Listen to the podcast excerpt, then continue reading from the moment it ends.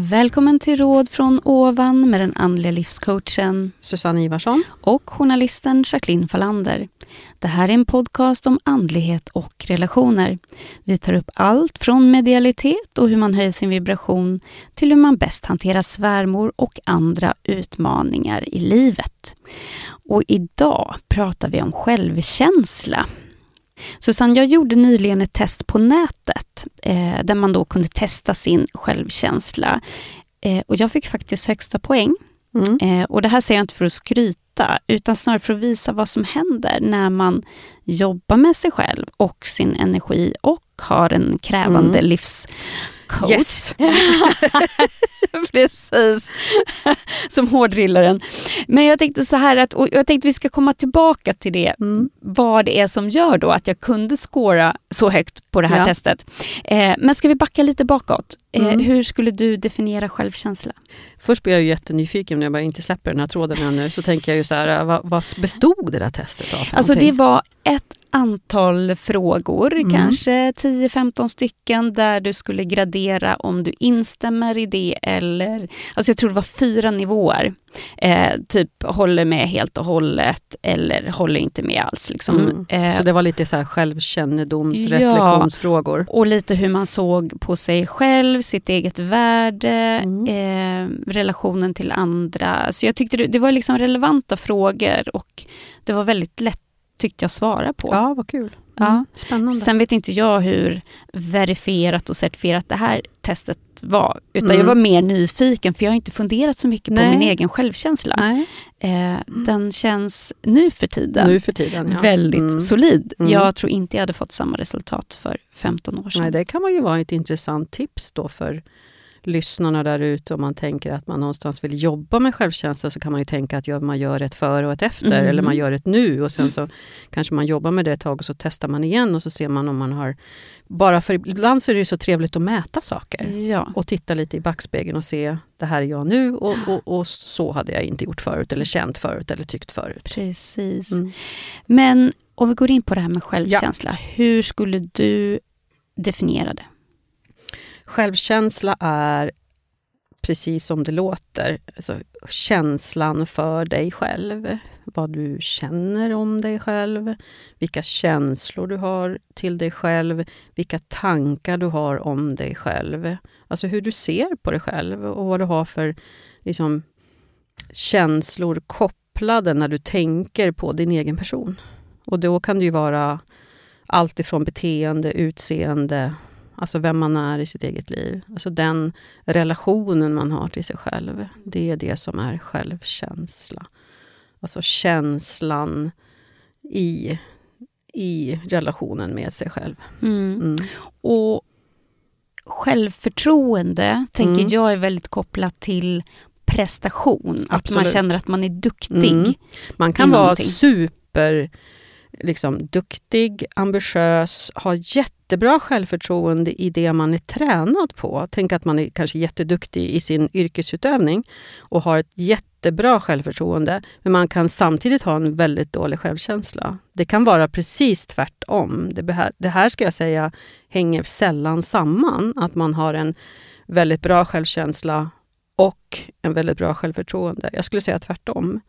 Självförtroendet kan vara jätte, jättebra och självkänslan kan vara väldigt, väldigt dålig. Därför att den dåliga självkänslan gör att man driver sig själv väldigt hårt i att vara ambitiös, duktig och få väldigt mycket prestationsresultat. Det bygger ofta på en brist. Har man en hög självkänsla, då är man mer rädd om sig själv än att man kör slut på sig själv. Och man gör mer saker som man tycker om, än att man liksom bara utifrån resultat eller prestation eller vad det nu är man... Oftast är det ju jobbrelaterat kanske när man pratar självförtroende. Men då undrar jag, vad är det då som gör att människor går omkring och har så dålig självkänsla? Jag skulle säga att man kanske aldrig riktigt har fått hjälp med att bekräfta eller bygga det egna värdet. Alltså det egna inre värdet.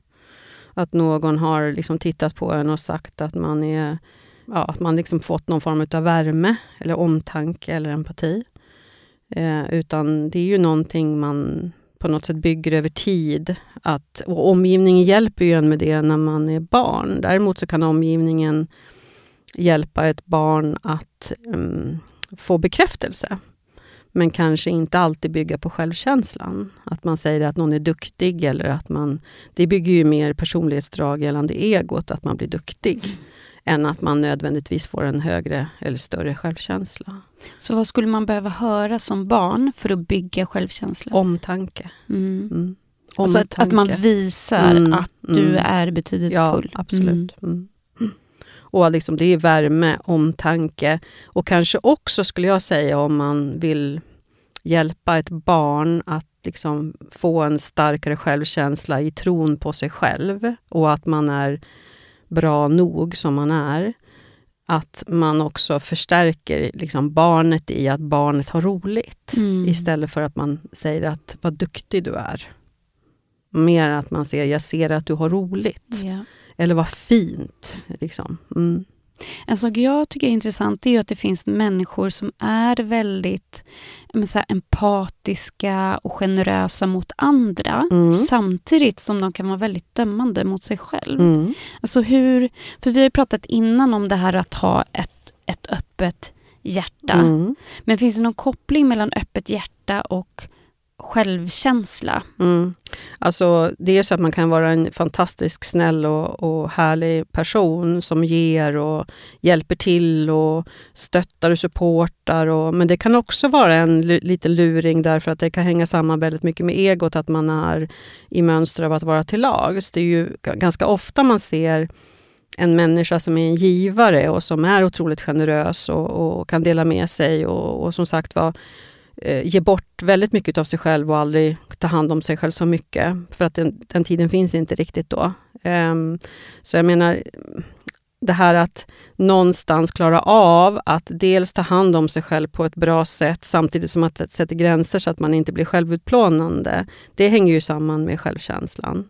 Om man är för självutplånande, för transparent, för mycket till lags, då är ju det mer egoenergin. Då har man inte riktigt kopplingen till hjärtats energi och då är det ju så att man kan vara en otroligt generös, snäll, givande människa och stötta hur många människor som helst samtidigt som man liksom jobbar och sliter med den inre dialogen som består utav självförakt, eh, att man är värdelös, att man inte klarar av någonting, att man har en otroligt negativ eh, självbild. Samtidigt som man är otroligt generös och alla andra tycker att man är fantastiskt härlig och snäll och hjälpsam. Jag funderar på, går det att ha... Ja, men säg att du har växt upp med men så här schyssta föräldrar. Mm. Eh, kan du ändå gå omkring och ha en dålig självkänsla? Mm. Det bygger också väldigt mycket på att man tror på sig själv. Alltså det här att man kan ju vara curlad, alltså fullständigt. Eh, man har människor runt omkring sig som egentligen aldrig någonsin låter en människa att klara av saker. Alltså det här med att klara av saker innebär ju också att du får en tro på dig själv. Och att man någonstans bekräftar i att man också klarar av saker. Då menar inte jag prestationsnivå eh, liksom upphöjt till 10, utan jag menar att man kanske som barn sätter på sig sina strumpor själv och man liksom någonstans blir glad av att man klarar ett sånt litet mål. Eller att man ger ett barn liksom uppdrag att gå och köpa mjölk och att när barnet kommer hem så det är klart att det blir en kombination av att man bekräftar barnets ego och säger så här, oj vad fint att du hjälpte till med det här. Eh, samtidigt som man också då kan bygga lite grann på att det här barnet kan tro på sig själv och klara av saker. Man klarar av uppgifter hela tiden som gör att man faktiskt utvecklas som människa. Mm. Men jag tänker det här själv, eh, självkänsla. Mm. Eh, hur, hur låter den in... För du pratade innan om den inre dialogen mm. om någon som har bristande självkänsla. Ja. Hur låter den inre dialogen om man har bra självkänsla? Ja, fast då är det ju mer tyst. Då behöver man ju egentligen inte ha så mycket dialoger. Då är det ju mer att man känner genuint att man är bra nog. Mm. Man behöver liksom inte Tänka fundera på det, på det så mycket. Utan, och är det, är det så att någon skulle ha några andra synpunkter, alltså man säger så här man, man, blir dömd av någon annan och om man har en bra självkänsla då kan man liksom mer säga, jaha men tycker du så då, så får du väl tycka det då. Om du tycker att jag gjorde ett dåligt jobb, men jag tycker att jag har gjort ett bra jobb. Och man liksom har verkligen gjort sitt bästa, man har gjort ett bra jobb. Man kommer alltid stöta på människor som tycker att man inte är tillräcklig. Så länge de är drivna av sina egna egon. Sen säger ju inte det att de är bättre. Men jag menar, människor tycker att det är kul och, eller har ett behov av att döma andra. Så det här med att liksom ha en negativt laddad dialog som hela tiden förkortar en själv och gör en till, liksom, till någonting mindre hela tiden. Alltså att det alltid är någon brist. Är det så att någonting är bra så kan man hitta något annat som man klagar på. Så jag tänker de som de man träffar som har en väldigt negativt laddad energi i form av dialog, alltså de mår ju inte så bra. Liksom. Och det kan ju ta ett uttryck då i olika ätstörningar eller missbruk eller, eller mm, självskadebeteende. Mm, mm. För att det är så jobbigt där inne någonstans. Och de kan vara jättesöta och jättefina och, och duktiga på sitt jobb och alla möjliga sådana saker. Men här inne, alltså inne i känslan och i huvudet, där är det inte kul. Nej. Men hur stärker man då sin självkänsla när man är vuxen? Mm, den får man ju jobba med då. Eh, och då handlar det ju inte så mycket kanske om att bygga upp det ljuset, alltså att någon annan ska bygga upp det ljuset. Då får man ju bygga upp det ljuset själv. Och att utveckla hjärtat i det. Så att det finns ju en del övningar som man kan ta till för att liksom jobba med att få ett fokus som ligger mer i linje med att man liksom tycker att man gör saker som man vet är bra för en själv. Så det handlar ju mer om så att man i små saker. Det handlar inte om att man måste göra stora grejer utan det handlar väldigt mycket om små saker som att ta 30 minuters eh, promenad på lunchen för det vet jag är bra för mig. Eller ha en nyttig lunch istället för en onyttig lunch. Det vet jag är bra för mig. Så det handlar hela tiden om att liksom samla på saker som, som är liksom varma, genuina och kärleksfulla handlingar gentemot en själv. Ungefär som att du tänker att man själv tar hand om sig själv på ett mycket bättre sätt och medvetet än att man inte gör det. Det är ju som att prioritera bort det som man vet är bra. Det är ju ett destruktivt beteende. Och så kan man ju liksom vad ska man säga, gå in i omständigheter. Jag hinner inte, jobbet tar för mycket eller barnen tar för mycket eller, eller livet tar för mycket eller gamla mamma behöver hjälp eller gamla pappa behöver hjälp. Alltså det finns ju hur många omständigheter som helst som på något sätt kan göra oss upptagna. Men äta ska vi ju alla göra. Så att man kan ju också fundera lite grann över om vi tänker att det är en enkel sak att någonstans vara snäll mot sig själv när man äter då så behöver man ju inte ge sig själv skräpmat. Man kan ju ge sig själv någonting som, är, någonting som man vet är, är nyttigare för kroppen. Det är liksom en kärleksfull handling att göra det. Rörelse vet vi, de flesta människor vet att rörelse är bra. Men man kan strunta i det i alla fall. För att man hellre sitter och tittar på TV eller gör något annat. Liksom. Det är samma sak där, alltså en högre, en högre självkänsla, mer hjärtenergi kommer att göra att du gör bra val som du vet är liksom av omtanke för dig själv. Mm. Att hela tiden tänka så här, ja men det här mår jag bra utav. Och jag, jag är inte någon som riktigt köper alla de här äh, tidskonversationerna som människor kan ha. För jag tänker mer att det handlar om prioritering. Absolut. Mm. Jag tror att det ofta är ursäkter ja, till varför man väldigt, inte gör saker. Väldigt mycket så. Mm. Man kan liksom säga så nej jag har inte tid att laga näringsriktig mat så jag tar några limpmackor när jag kommer hem. Ja, men sen så kanske man sitter och tittar på liksom, tre serier, avsnittserier. Mm. Ja, och det kanske tog tre timmar. Ja, men då hade du tid att och laga den här nyttiga maten. Mm. Det handlar egentligen bara om det. Men det kan ju vara så med respekt för att man har, när man kommer hem så är man trött. Och man vill egentligen bara lägga sig på soffan och kolla på de där tre avsnitten serier. Jag kan ha respekt för det. Men jag skulle säga att det kanske finns andra val som är bättre då än att man kan du vet, fixa någonting som ändå är nyttigare, som inte behöver ta så himla lång tid. Liksom. Mm. Och meditera lite kanske? kan man göra. Ja. Mm, kan man göra. Har du något exempel på någon klient eh, mm. hos dig som har gjort den här resan om att gå från att ha ett ganska taskigt mm. självförtroende till mm. att bygga upp det och hur förändrar den personens liv? Ja, så man får ju tänka så här att självkänsla, en dålig självkänsla där man liksom sliter med, beroende på, det kan ju finnas grader av inre dialog som är negativ. Det kan ju vara så att man är bara känner sig misslyckad ibland eller klarar inte av saker ibland. Och därifrån till att liksom ha självförakt. Alltså det, självförakt är en enorm plåga att känna. Och eh, det är liksom grader av någon form av mer än bara att vara rädd för att misslyckas. Och då handlar det ju väldigt mycket om att liksom, eh, ta sig själv från den platsen till en annan plats, så att säga. För att det här spiller ju över egentligen på hela livet. Alltså självkänslan är ju någonting som gör att du hela tiden gör de valen du gör. om du inte har en, en, en bra självkänsla. Har du en bra självkänsla så, så kommer du per automatik att göra helt andra val. Alltså det är jättestor skillnad om vi pratar liksom andlig energi, om du gör dina val utifrån egot, mm. än om du gör dina val utifrån hjärtat. Ja. Det blir helt annorlunda. Och, eh, och det finns ju, jag har otaliga sådana exempel på hur livet kan förändras med liksom en, om man har en låg självkänsla, till att ha en bättre självkänsla. Eh, tänk att det är flera klienter till exempel som har olika former av missbruk. Alltså där man någonstans hanterar sin självförakt via självsvält till exempel.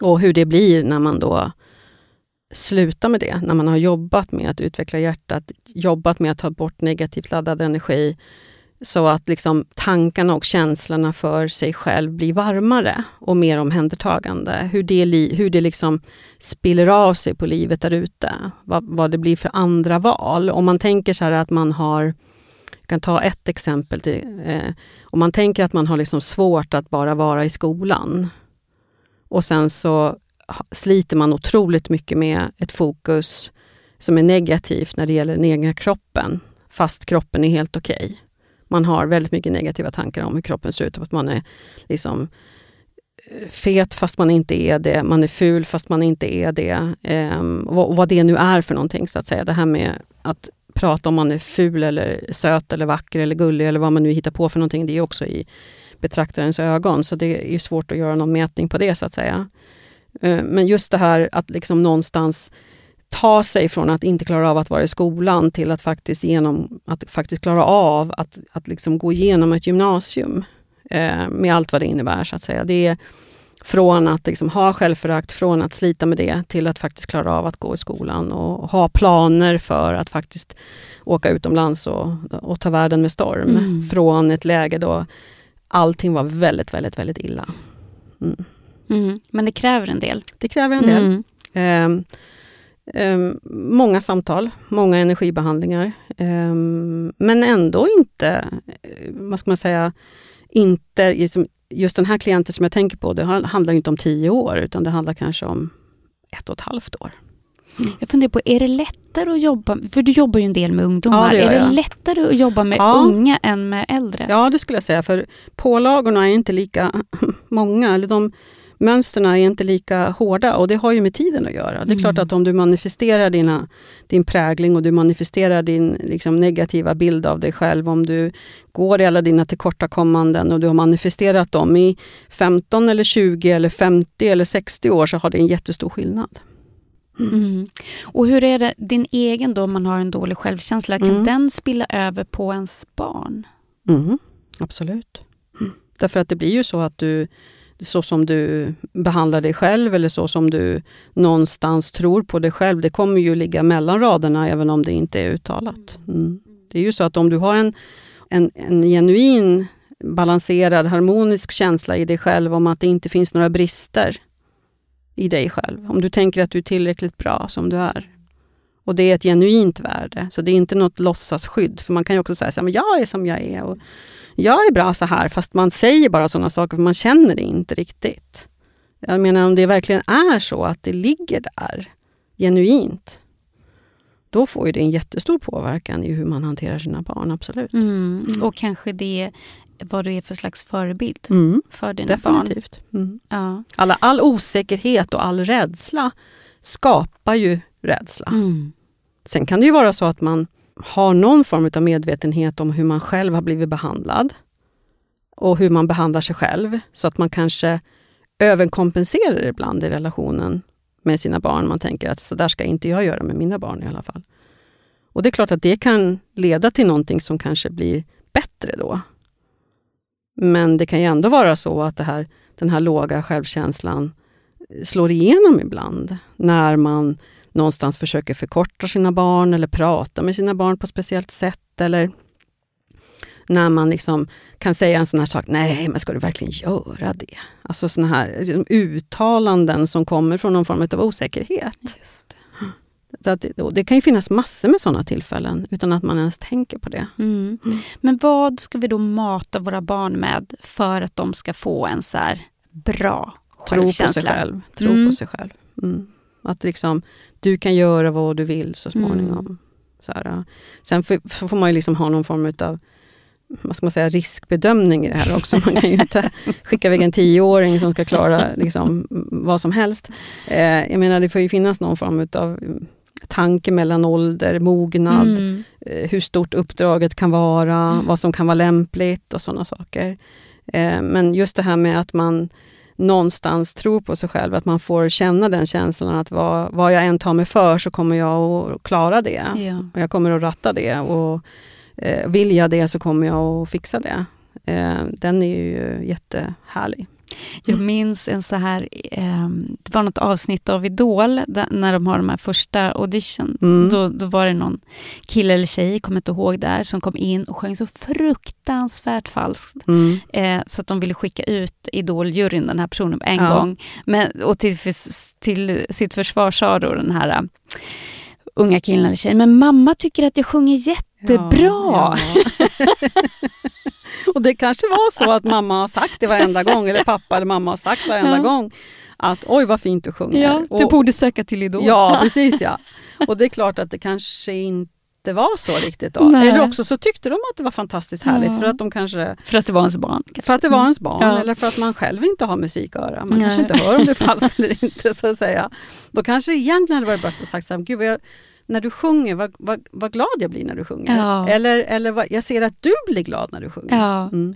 Mm. Ja, för ibland har jag ju tänkt det att man, hur, alltså, barnen har ju olika begåvningar ja. och vissa saker har de naturligt lätt för och andra saker kanske lite svårare. Absolut. Och man vill ju absolut inte ta ner dem Nej, utan snarare liksom men så länge det bara är glädje. Ja, utan att det roll. behöver vara så här, åh jag ska söka till Idol eller jag ska vinna mm. eller jag ska bli eh, artist. Liksom så. Eh, så tänker jag så länge man sjunger för att man mår bra av att sjunga så räcker ju det. Mm. Vad är anledningen till att vi alltid går in i prestation? Mm. Det är ju, vi har det väldigt mycket i vår kultur, ja. skulle jag säga. Ja. Det ligger väldigt mycket i det här äh, prestation, det som man brukar kalla för det lutherska. Mm. Eller det som är det här, liksom, man brukar också ha något begrepp som säger djävulen på axeln, eller det finns väl olika eh, tankar om det där. Att, det, att det finns väldigt mycket i prestation. Ska man titta på andra eh, kulturer så kanske de inte har lika mycket prestation, men de jobbar ju också och överlever och betalar hyror och allt det där. Mm. Men inte det här liksom lite hysteriska som faktiskt eh, gör människor sjuka någonstans. Nej, för mm. jag tänker det är så lätt hänt att håller du på med något eller ser att din, din, ditt barn har ett fallenhet för något mm. så är det så lätt så här, okej okay, då ska du upp till elitnivå och Precis, då är det tävlingar. Ja. Mm. Då kanske man förstör glädjen Absolut. i bara själva utövandet. Ja, och, och det ju, finns ju många exempel på det. Alltså när man tänker att det kan vara så att man har en vi kan ta en hockeyspelare till exempel som, har en, eh, som man ser är duktig på att spela hockey och sen så blir det lite för mycket elittänkande och det blir lite för mycket krav. Och det blir väldigt liksom, hård, hård träning och upp tidiga, tidiga morgnar och det är träningar kanske var och varannan dag.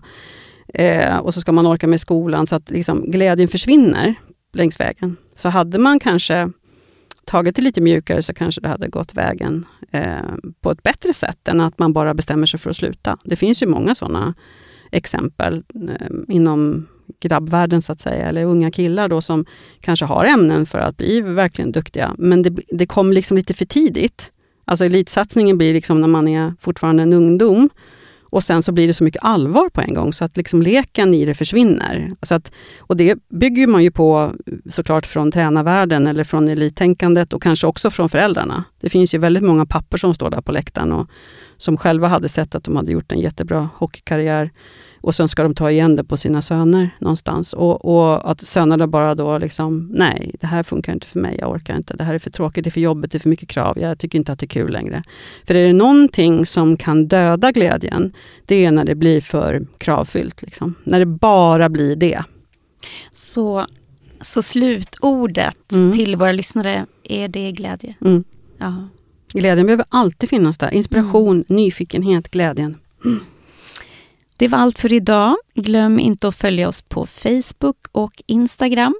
Vill ni göra er personliga och andliga resa tillsammans med oss kan jag tipsa att vi har ett kurstillfälle den 21 maj i Stockholm och vi har även energimeditationer som vi arrangerar under våren.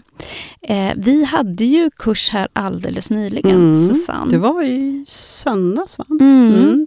Vad skulle du säga är värdet då av att göra den här resan inte bara på egen hand utan göra den i en grupp Alltså det blir ju väldigt mycket mer en uppstyrd process, för att det handlar ju väldigt mycket om att gå in i ett utrymme där man processar sig själv och tillåter sig att processa sig själv. Man, man processar sig själv också i mötet med andra, genom att man hör andras tankar och kanske upplevelser, erfarenheter. Och i det kan man också känna sig, man kan känna igen sig själv. Man kan också känna att, oh vad skönt, det här har jag inte varit med om i alla fall, så det kan bli lite tröst. Eh, och att man också i de här övningarna som man då får genom att liksom, tillbringa en dag tillsammans med oss innebär ju att det blir en, en slags bearbetning och en process. Tycker ni det låter intressant eh, så kommer vi lägga upp eh, all inform information om det på Facebook. Tack för ja. Tack för idag.